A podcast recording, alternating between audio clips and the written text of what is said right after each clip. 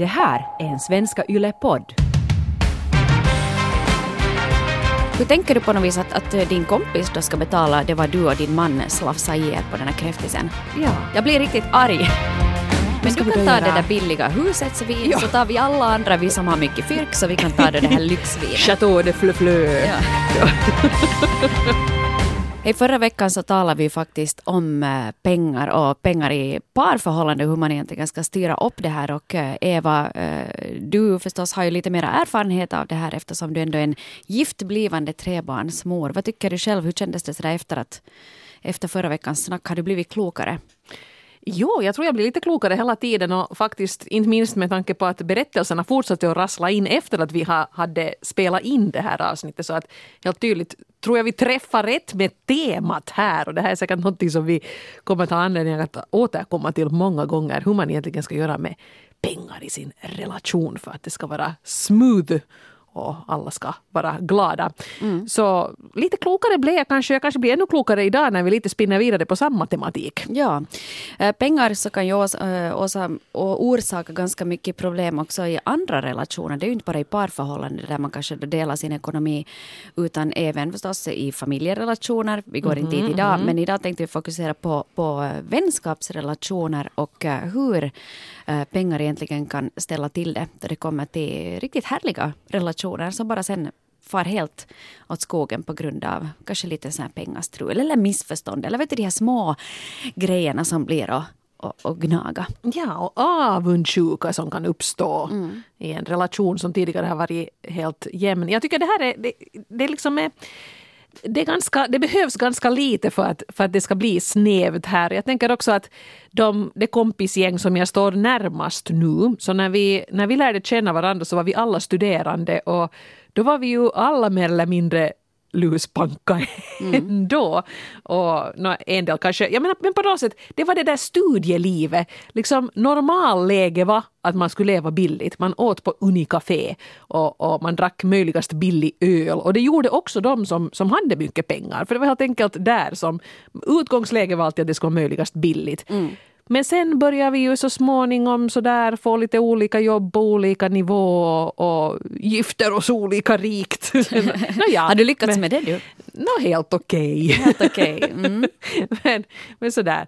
Eh, Och, och då är det ju klart att det kan uppstå vissa sådana situationer där en del har råd att åka på en riktigt sådär femstjärnig all exclusive till någon fantastisk resort medan någon annan kanske nätt och jämnt kan ta barnen till hopplopp på höstlovet. Och eh, vi har faktiskt i, i mitt gäng klarat oss ganska bra utan att det här liksom ska bli ett issue och jag tror nog att vi kan prata om det här också att det där kan jag inte hänga med på för jag har inte råd just nu helt enkelt. Och, och så här. Men eh, jag kan också föreställa mig att det där skulle kunna bli ganska sådär känsligt om, om vi skulle ha valt den vägen. Och nu har jag ibland också varit lite sådär när man inte har haft några pengar och så blir man så att ska nu alla i världen resa till Thailand just precis nu? Jag orkar inte se de där tårna på den där sandstranden och den där parasolldrinken nu mer när jag var där fram här i, i geggan i, i februari Esbo.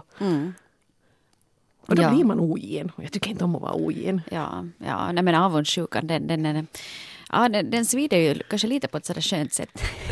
Någonstans, jag vet inte. Ja. ja, men det är lite svårt det där. Jag, jag tycker uh, själv att jag är en ganska bjussig kompis. Mm.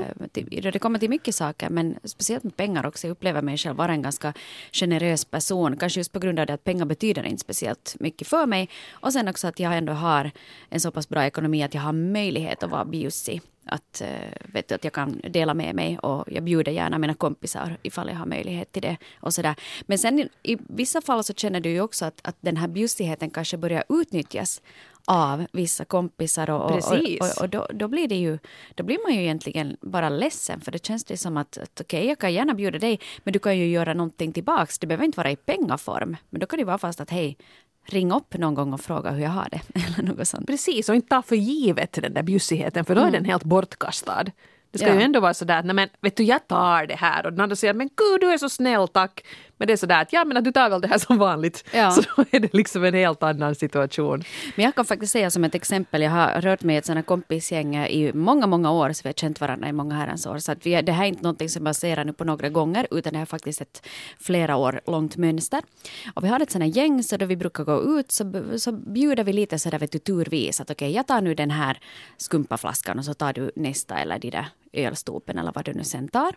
Men så finns det alltid en som på något vis alltid ska gå hem sen då det kommer till dens tid att bjuda, vet du, som, som Aj, drar aj. ut på det att det, det är dens tur att betala eh, tills ingen vill ha något mer och alla börjar gå hem. Och det här är inte bara en gång, eller, eller att man alltid ska gå på toa då det är dags att beställa, så någon annan hamnar och går istället. Och det lustiga är att den här personen är den som tjänar mest av oss allihopa. Jaha, just så. Men vet du, bara gnido. och, och det där kan jag irritera mig på grymt. Och där har jag också faktiskt lite börjat vara inne och torra liksom i den här kompiskonstellationen där. För sen finns det också en eh, av de här tjejerna som inte är jag, som eh, är extremt bjussig. Hon har alltid erbjudit sig. Men hej, jag tar det här, att inga problem, för hon har pengar och så här. Men då brukar jag säga, speciellt om den här gnidiga kvinnan står vid bardisken och den här jättegenerösa, så säger jag alltid nej, men det är alltid du som betalar. Att hej, vad om du, gnidiga kompisen, nu istället skulle betala? Kan du säga så öppet? Ja, du som säger- alltid jag- försöker smita undan, nu betalar Nej, jag du. kallar inte henne gnido, utan jag bara säger att det är nu din tur att betala Ja. till den här generösa eh, kompisen. Att hon tar ju alltid att nu är det din tur. Okej. Och så att no, hon halar nu upp sitt bankkort sen i alla fall och, och betalar. Men, men det är konstigt det där att, att sånt här kan pågå under många år. Och det måste jag säga att om du där ute är den där gnidiga kompisen så tro inte att inte dina kompisar märker det här. Mm. För folk märker nog förr eller senare när du håller på där och, och, vet du, och håller hårt i dina eh, slantar i åratal. Så folk märker nog det och de talar om dig bakom din rygg. Bara så du vet. Kiva kaverien. Ja. Men annars har vi det jättetrevligt tillsammans. Mm. När alla har betalat sin runda Ja. och ni har blivit lite runda under foten så Ja. då trivs ni Då kan, väldigt vi, bra. då kan vi kramas och, och tala om våra eländiga kärleksliv. Ja, mycket viktigt. Ja, men, men det, det räcker med sånt här. Och, och vi har fått igen in en hel drös med berättelser Mm. av er. Och eh, jag tycker faktiskt här är, här är en berättelse om en, eh, en kräftis situation. För det här ska vara riktigt så här finlandssvenskt. Men gud så Jo, trevligt. men jag tycker det här illustrerar faktiskt jättebra hur lite det behövs för att man ska bli liksom lite off. Så vi ska kunna ta in det här brevet här som en 30-årig kvinna har skrivit till oss. Jag kände mig riktigt utnyttjad då en vän bjöd in sig själv med make till oss på kräftskiva, för det är nog bäst att vi är hos er. Men sen inte betala en del av utgifterna trots vår överenskommelse. Vi hade bestämt så här att de hämtar vin, vi fixar resten och så köper vi kräftorna och sen delar vi kostnaden för kräftorna 50-50. Men efteråt, sen när jag meddelade att kräftorna de kostar nu si och så, så då svarade vännen ja men vi hämtar ju vin, så det betalar aldrig någonting. Jag lät det vara, för jag ogillar konflikter och jag vill inte starta en grej på grund av kräftor liksom. Men kände mig som sagt utnyttjad och lite lurad också. Det var jag som städade, dukade, lagade efterrätt, diskade och så vidare. Och jag gillar inte ens kräftor! Oj! Oj, stackars människa. Alltså, I feel your pain sister. Helt, helt klart. No, men nu var det ju fult. Alltså, jag tycker det här lät som ett jättebra upplägg. För att säkert nu om man nu köper inhemska kräftor och så här så att det var ju det dyraste. Och då skulle det ha varit helt rättvist det där att "Nå, men ni hämtar vin, vi fixar efterrätt och arrangemang och så delar vi på kräftorna. Jättebra idé. Men det var nog...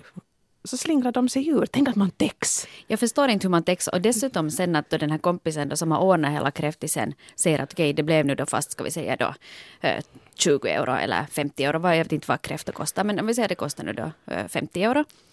Att, att du inte ens då skulle gå med på att betala, att din kompis ändå hör av sig att okej, det blev nu för er 50 euro.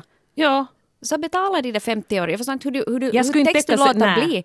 Hur tänker du på något vis att, att eh, din kompis då ska betala det vad du och din man slafsade i er på den här kräftisen? ja. Jag blir riktigt arg. Nej, och, och också om man skulle ha missförstått det här, om man skulle hämta, hämta något grymt dyrt vin för att man har på något sätt tänkt att då blir det jämnt om vi köper den här riktigt fina flaskan här. Och sen när kompisen säger att kräftorna kostar si och så, så skulle jag ju släta över det och vara så här, "Mm, ja, ja, att det där, eh, vad var ditt kontonummer nu igen? Jag skulle inte åtminstone säga att, men vi hämtar vin faktiskt. Så ja, men, men jag, jag förstår precis den här som har skrivit in att hoppas nu att vänskapsrelationen överlever det här kräftisdebaklet men, men sådana små grejer kan på något sätt, det blir en liten men effektiv kil i en relation. Att man liksom lite omvärderar den där bekantskapen. Och speciellt om det här nu är ett, vet du, att vi tänker de här två paren träffas ganska ofta. Det är ju en sak att om du turas om att okej, okay, nu träffas vi hemma hos oss och vi fixar allt. Eller nästa gång träffas vi, träffas vi hos er. Att då, då det går jämnt ut i slutändan så behöver man knappast börja swisha så Nej, mycket precis. pengar hit och dit. Men just det där att om du känner att det, att det blir alltid på ett visst sätt.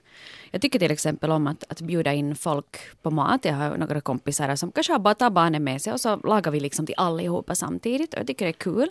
Men där har det gått helt jämnt ut för då kan det vara just att någon kanske, nej men hej jag kan ta med en efterrätt. Nej men jag hämtar ett par skumpaflaskor eller någonting. Att det, I slutändan så går det jämnt ut. Jo, och inte ska man ju behöva hålla på med millimeter rättvisa heller, men, men det ska vara kännas sådär eller till exempel om någon som man vet att den där har inte speciellt mycket pengar just nu men hon bakar ju nu faktiskt världens godaste bröd. liksom hon gjorde en, en större insats här. Så jag menar på något sätt väga upp det där också. Men att alla nu har bidragit på något sätt. Men, mm. men det är, där ser man genast när man börjar nämna liksom summor och belopp så då blir det väldigt konkret och väldigt tekniskt och så blir det också lite förargligt. Mm. Det är sant. Det är sant. Eller samma också det att om du ska gå ut och äta då kanske du också mm. måste välja lite ställe enligt budget. Att om du fast vet att du har någon som är... Eh, jag menar de flesta som arbetar och har en med medianlön så har väl råd att gå ut och, och äta någon gång sådär. Ja. Men då kanske du, att vi, vilket ställe går du till? Att är det det här fina stället dit du, du inte kommer, du kommer inte ut därifrån utan att vara en hundring fattigare. Eller går du då fast och tar en, en burgare på någon sån här kedjerestaurang? Att det är en ganska stor skillnad där. Då.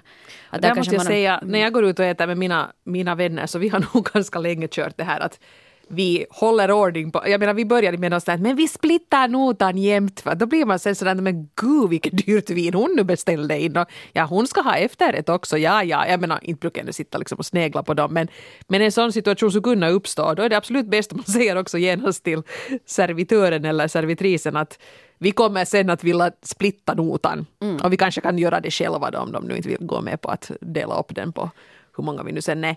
Men jag tycker det är absolut det bästa för att då kan alla med gott samvete beställa precis det de vill ha. Precis. Och inte behöva säga att är det okej okay att vi tar det här 50 euros vinet? Är det okej okay med alla? Ah, nej, okej okay, inte du. Um, men du kan ta göra... det där billiga husets vin ja. så tar vi alla andra, vi som har mycket fyrk, så vi kan ta det, här lyxvinet. Chateau de Fleu Ja. ja.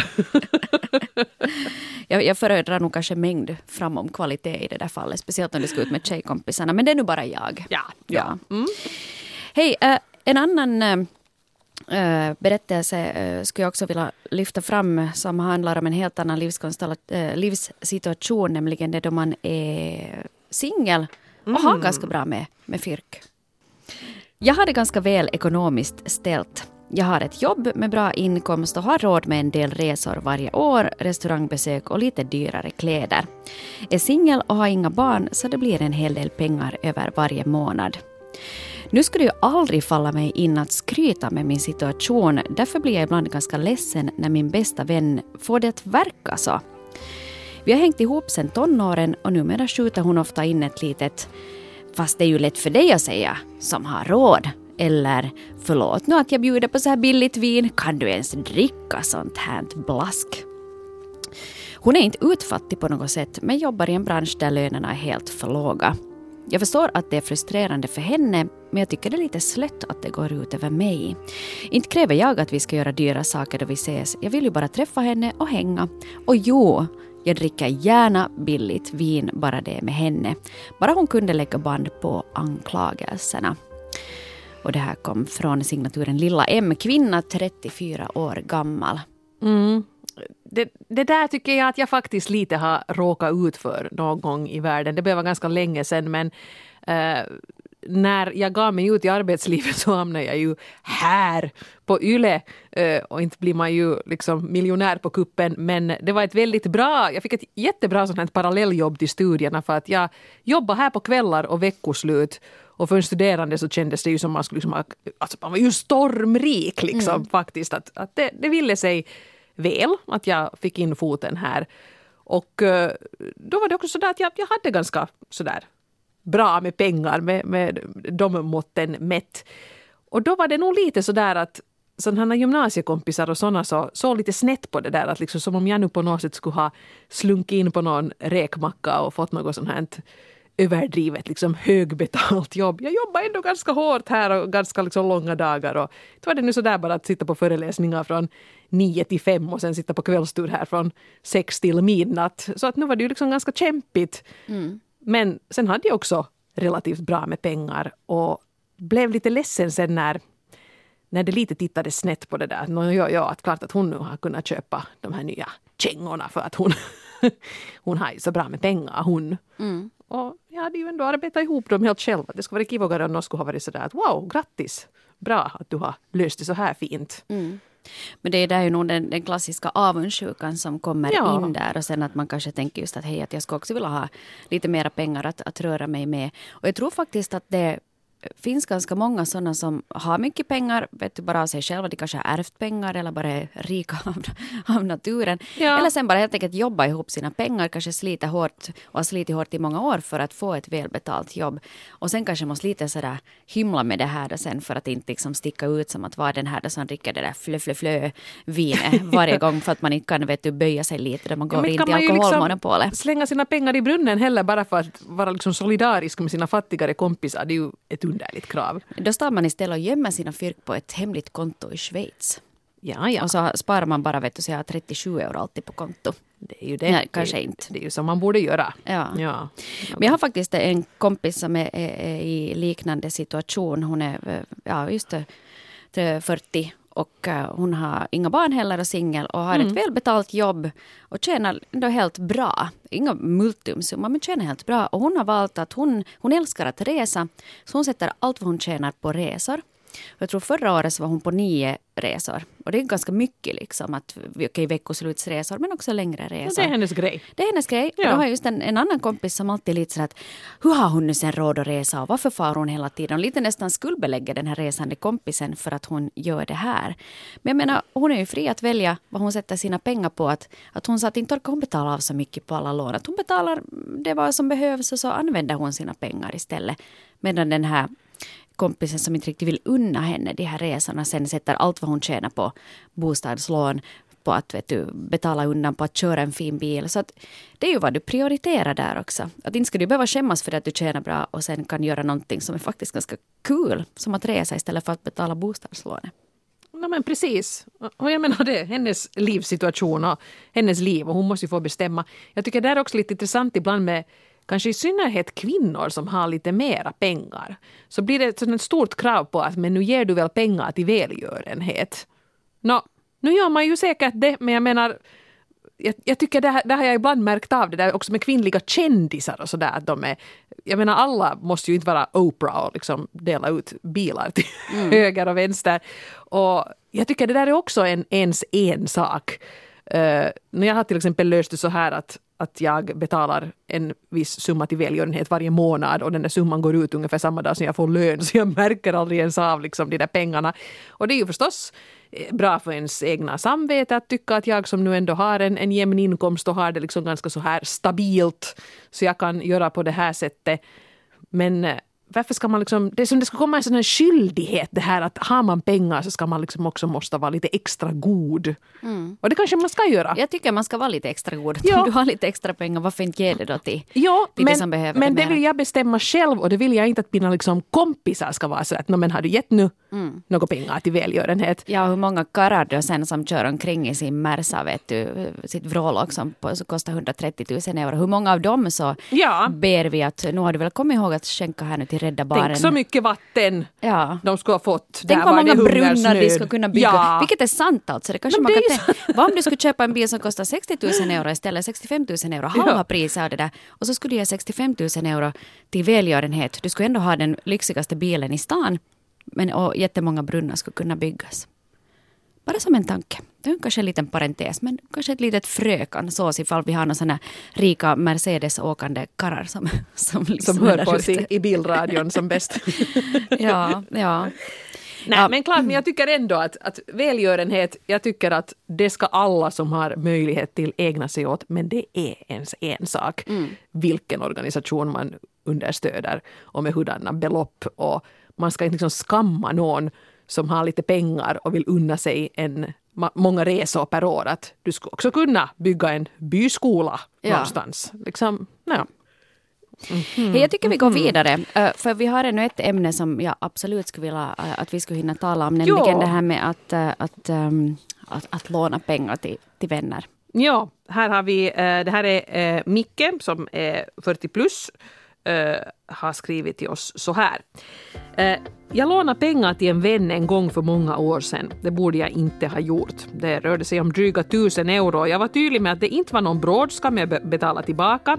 Jag ville bara hjälpa honom och han verkar tacksam då. Men sen blev det stelt mellan oss. Han drog sig liksom undan. Jag vet inte om han skämdes för att han inte hade betalat tillbaka. Jag är nu ingen psykolog, men jag antar att det uppstod någon sorts obalans mellan oss i och med lånet. Han har inte ännu heller betalat tillbaka det och kommer knappast att göra det heller eftersom vi numera ses väldigt sällan. Ja, ja. Hör du Micke, I feel your pain brother. det tycks vara min reaktion på de flesta brev här idag. Ja. Jag, jag har också lånat pengar till eh, vänner, alltså goda vänner som verkligen har varit i knipa. Jag gör det hemskt gärna. Men eh, det kan faktiskt skapa nog en viss spänning i det och jag tror att det, det, det är sista gången som jag har gjort det nu. Vi har visserligen en avbetalningsplan nu med det här senaste caset men, men vad heter det, det, det, det är ingenting att rekommendera för även fast jag, jag, har, jag skulle inte låna pengar till folk om inte jag skulle ha möjligheten att göra det. Men ändå så blir det en obalans för det blir på något vis att, att eh, jag känner att, att den, är, den andra personen är lite skyldig mig någonting. Det blir på något vis i lite underläge om hen är skyldig pengar. Och här kanske också just som Micke skriver att, att det blir lite stelt och man kanske börjar ta lite avstånd för de där pengarna kommer som ett sån här isberg mellan vännerna. Jag börjar lite, eh, jag kan också googla, jag har inte googlat dig och dina inkomster här. Men, Jag ska men börja börjar googla dig faktiskt- här nu. Ja, ja. Jag, jag, jag googlar lite det här faktiskt med vänskap och pengar och det finns ju, det här tycks vara ett ganska hett ämne i USA för jag fick fram en massa liksom länkar, amerikanska länkar, att det här är någonting som tydligen diskuteras mycket. Bland annat en sån här som heter uh, Lauren Bowling som skriver för Huffington Post och hon är någon sorts sån här eh, finansiell rådgivare. Jag hittade en intressant artikel där hon då skriver att låna aldrig pengar till en vän. Jag menar hon är ganska klar med det här. Men ge gärna pengar i present till en vän. Och det tycker jag är ett ganska intressant resonemang som hon har här. Att jag menar, lån och ekonomiska grejer hör inte hemma i en vänskapsrelation, men presenter hör hemma. Så vad man skulle kunna göra då, eh, om man har råd, är helt enkelt att ge de där pengarna till en kompis och vara tydlig med att hör du, jag förväntar mig inte nu att du ska betala tillbaka. Varsågod. Och om den där kompisen då är vettig så säger den ju att okej, tusen tack, men jag kommer ju att vilja liksom betala tillbaka. Att inte kan jag ju bara ta dina pengar, jag kommer att vilja betala tillbaka. Och då säger man att ja, ja, nej, men det blir så det blir, jag förväntar mig de här pengarna. Och så liksom, att det där på något sätt skulle då skapa en stabilare relation. Att Man har bara varit schysst, men den andra står inte ändå, det är uttalat att du står inte i ett liksom, sån här, du är inte skyldig mig det här. Vad tror du om det? Tror du det skulle funka?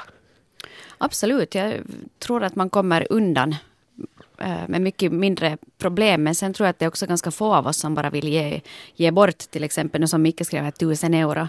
Ganska få av oss har liksom en, en tusing att bara ge i, Nej, i, en- något en- skede skulle i man en ju säkert behöva dem tillbaka. Ja, liksom att det är så pass mycket pengar att jag tror inte att man kanske ger det. Du kanske, vet du någon, du har en kaveri som är i ekonomisk knipa, du kanske kan ge, beroende på vilka inkomster du har, men du kanske kan ge en 20-lapp, en 50-lapp eller kanske till och med en hundring och, och, och glömma bort det. men jag tror ja. att då du börjar komma upp i sådana summor som en, en tusing så jag menar man får jobba ganska många timmar för att förtjäna tusen euro så att inte tror jag att man kanske sådär lättvindigt ger bort det i alla fall. Jag har en gång lånat en större summa av en släkting. Eh, och eh, för mig var det jätteviktigt att säga att, att kan vi ha liksom en plan, att vi betalar si och så och liksom, det, här är, det här är min avbetalningsplan nu för det här. Och i något skede sa ju sen den här släktingen att nej men låt nu det vara, vet du, att jag hjälpte så gärna till. Men för mig var det liksom en sån här hederssak att nej, det här ska nog betalas tillbaka. Uh, och, och därför har vi också betalat enligt planen tillbaka det här lånet. För jag tycker att jag skulle ha, fast, fast släktingen säger att strunt samma, det är helt okej, så för mig är det liksom en, en jättegrej. Mm. Och skulle jag någon månad inte kunna betala av min rat eller glömma bort den så skulle jag nog antagligen också höra av mig och säga att förlåt, förlåt, förlåt att det kommer nästa månad. Det är liksom en på något sätt, eh, det är nästan det lån som jag betalar tidigare. Jag kan nästan ta det med banken hellre liksom en skräll om jag skulle liksom bli i någon sorts knipa. Det där är liksom det lån jag prioriterar främst att betala av på för att det är liksom en, en annan grej. Men det har blivit en hederssak för dig Ja, också. då för mig är det så. Du gillar uppenbarligen den här släktingen. Om Ja, du ändå ja. vill stå i liksom, eller vara, vara, vara, ha en god relation till No, det släktingen. var en som, som hjälpte när det blev liksom när det strulade till sig ekonomiskt för mig. Ja. Ska inte gå in på mera detaljer än så men i alla fall jag var jättetacksam. Men för mig var det superviktigt att liksom jag vill inte jag menar jag tar gärna emot presenter. Jag tycker om att få presenter gärna men liksom inte på den här nivån som det blev då. Nej, Nej, och det blir ju bara underligt om det är för, för värdefulla Men jag så börjar att säga, också fundera på det här också. som hon nu skrev, den här rådgivaren. Det här med att ge pengar i present, det är ju nog lite... Mm, det är lite underligt. Jag, jag menar till exempel nu här när... när till exempel bröllopsgåvor. Nu börjar alla mina, mina bekanta, liksom, det har inte varit sån bröllopsboom nu de senaste åren men en del har ju sådana här listor var man kan gå in och kruxa att när vi köper nu några skålar och några gafflar och en vaxduk. Och andra har ju det här att vi vill gärna ha bidrag till vår bröllopsresa. Och det tycker jag också är, det blir jätteunderligt att fundera att vad är en lämplig summa att ge om man liksom faktiskt ska ge sådär typ cash. Och se dem, vad, vad, vet du, vad har Eva gett? Ja, vad har Hanna Eva gett? Jonas gav 17,50. Tack så mycket! Alltså jag vet inte faktiskt, men jag har för mig att någon sa någon gång att, eh, att liksom när man tänker bröllopsgåvans värde, om vi nu talar om bröllopsgåva, Ja. att du kan tänka dig ungefär att, att vad, vad kostar maten på det här stället? Där ni är. Ja, men det är en ganska att bra till exempel, måttstock, ja. till exempel det att om du fast går till ett ställe att du vet att där finns då en trerätters, vilket det oftast är på ett, på ett bröllop, så kanske du kan tänka dig vad, vad kan det kosta då på det stället där ni är. Att är ni på lokala pizzerian eller är ni på en fin restaurang och att åtminstone det här ska bröllopsgåvan då eh, Som vara kompis värd. liksom. Ungefär. Ja, ja. Men det, det är säkert en ganska vettig grej. Ja. Ja. ja. Om det ska liksom vara pengar. Ja. Nu hör du Eva, om vi skulle ta och försöka summera den här eh, kompis och pengadiskussionen. Let's, let's. Eh, Jag ska åtminstone ge rådet att vara bjussig, var generös, men var inte heller liksom blåögd med att bara kasta ut pengar till kompisar. Ja, och undvik att låna pengar och undvik, undvik att det ska bli för tekniskt och ekonomiskt i din vänskapsrelation överhuvudtaget. Försök liksom hitta alternativa vägar. Typ så. Mm. Mm, mm. Nästa vecka i relationspodden Norrena och Frans, då ska vi prata om hur man håller relationen i liv sådär i längden. At last we shall know. Naja. Nej, men vi kanske, vi kanske hoppas att, att ni som eh, har hängt ihop ett tag och har det sådär helt okej eh, skulle höra av er med era berättelser. För jag menar, det kan ju vara lite sådär att när ni träffades så ni hade liksom, ni hade Eh, ni hade sådana coola intressen och ni gick och åt på konstiga asiatiska restauranger och, och ni tittade på svåra eh, tyska filmer och, och ni reste på storstadsresor och sådär och nu är det med sådär knackkorv och frozen maraton med barnen och, och åker till hopplopp. Yay! Vad gör man då? Liksom, vad, vad kan man få in i en sån vardag som på något sätt ändå drar upp det som man hade en gång och liksom lite uppvakta sin partner? Är det liksom rosor eller är det sådär Eller man gör en smörgås till, till sin partner. förför honom hastigt när bokklubben sätter igång? Vad gör du och ni för att hålla relationen vid liv just under det här värsta eh, kaoset som kallas småbarnsåren? Och varför inte barnen är äldre också?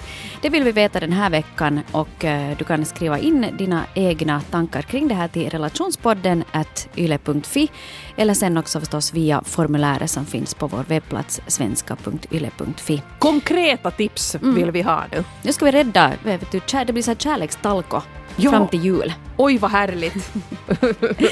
Vi hörs igen eh, nästa vecka. Stort tack till dig Eva Frans. Det här var ju underbart. Nämen, ävenledes Hanna Norrena. Jag kan bjuda på lunch.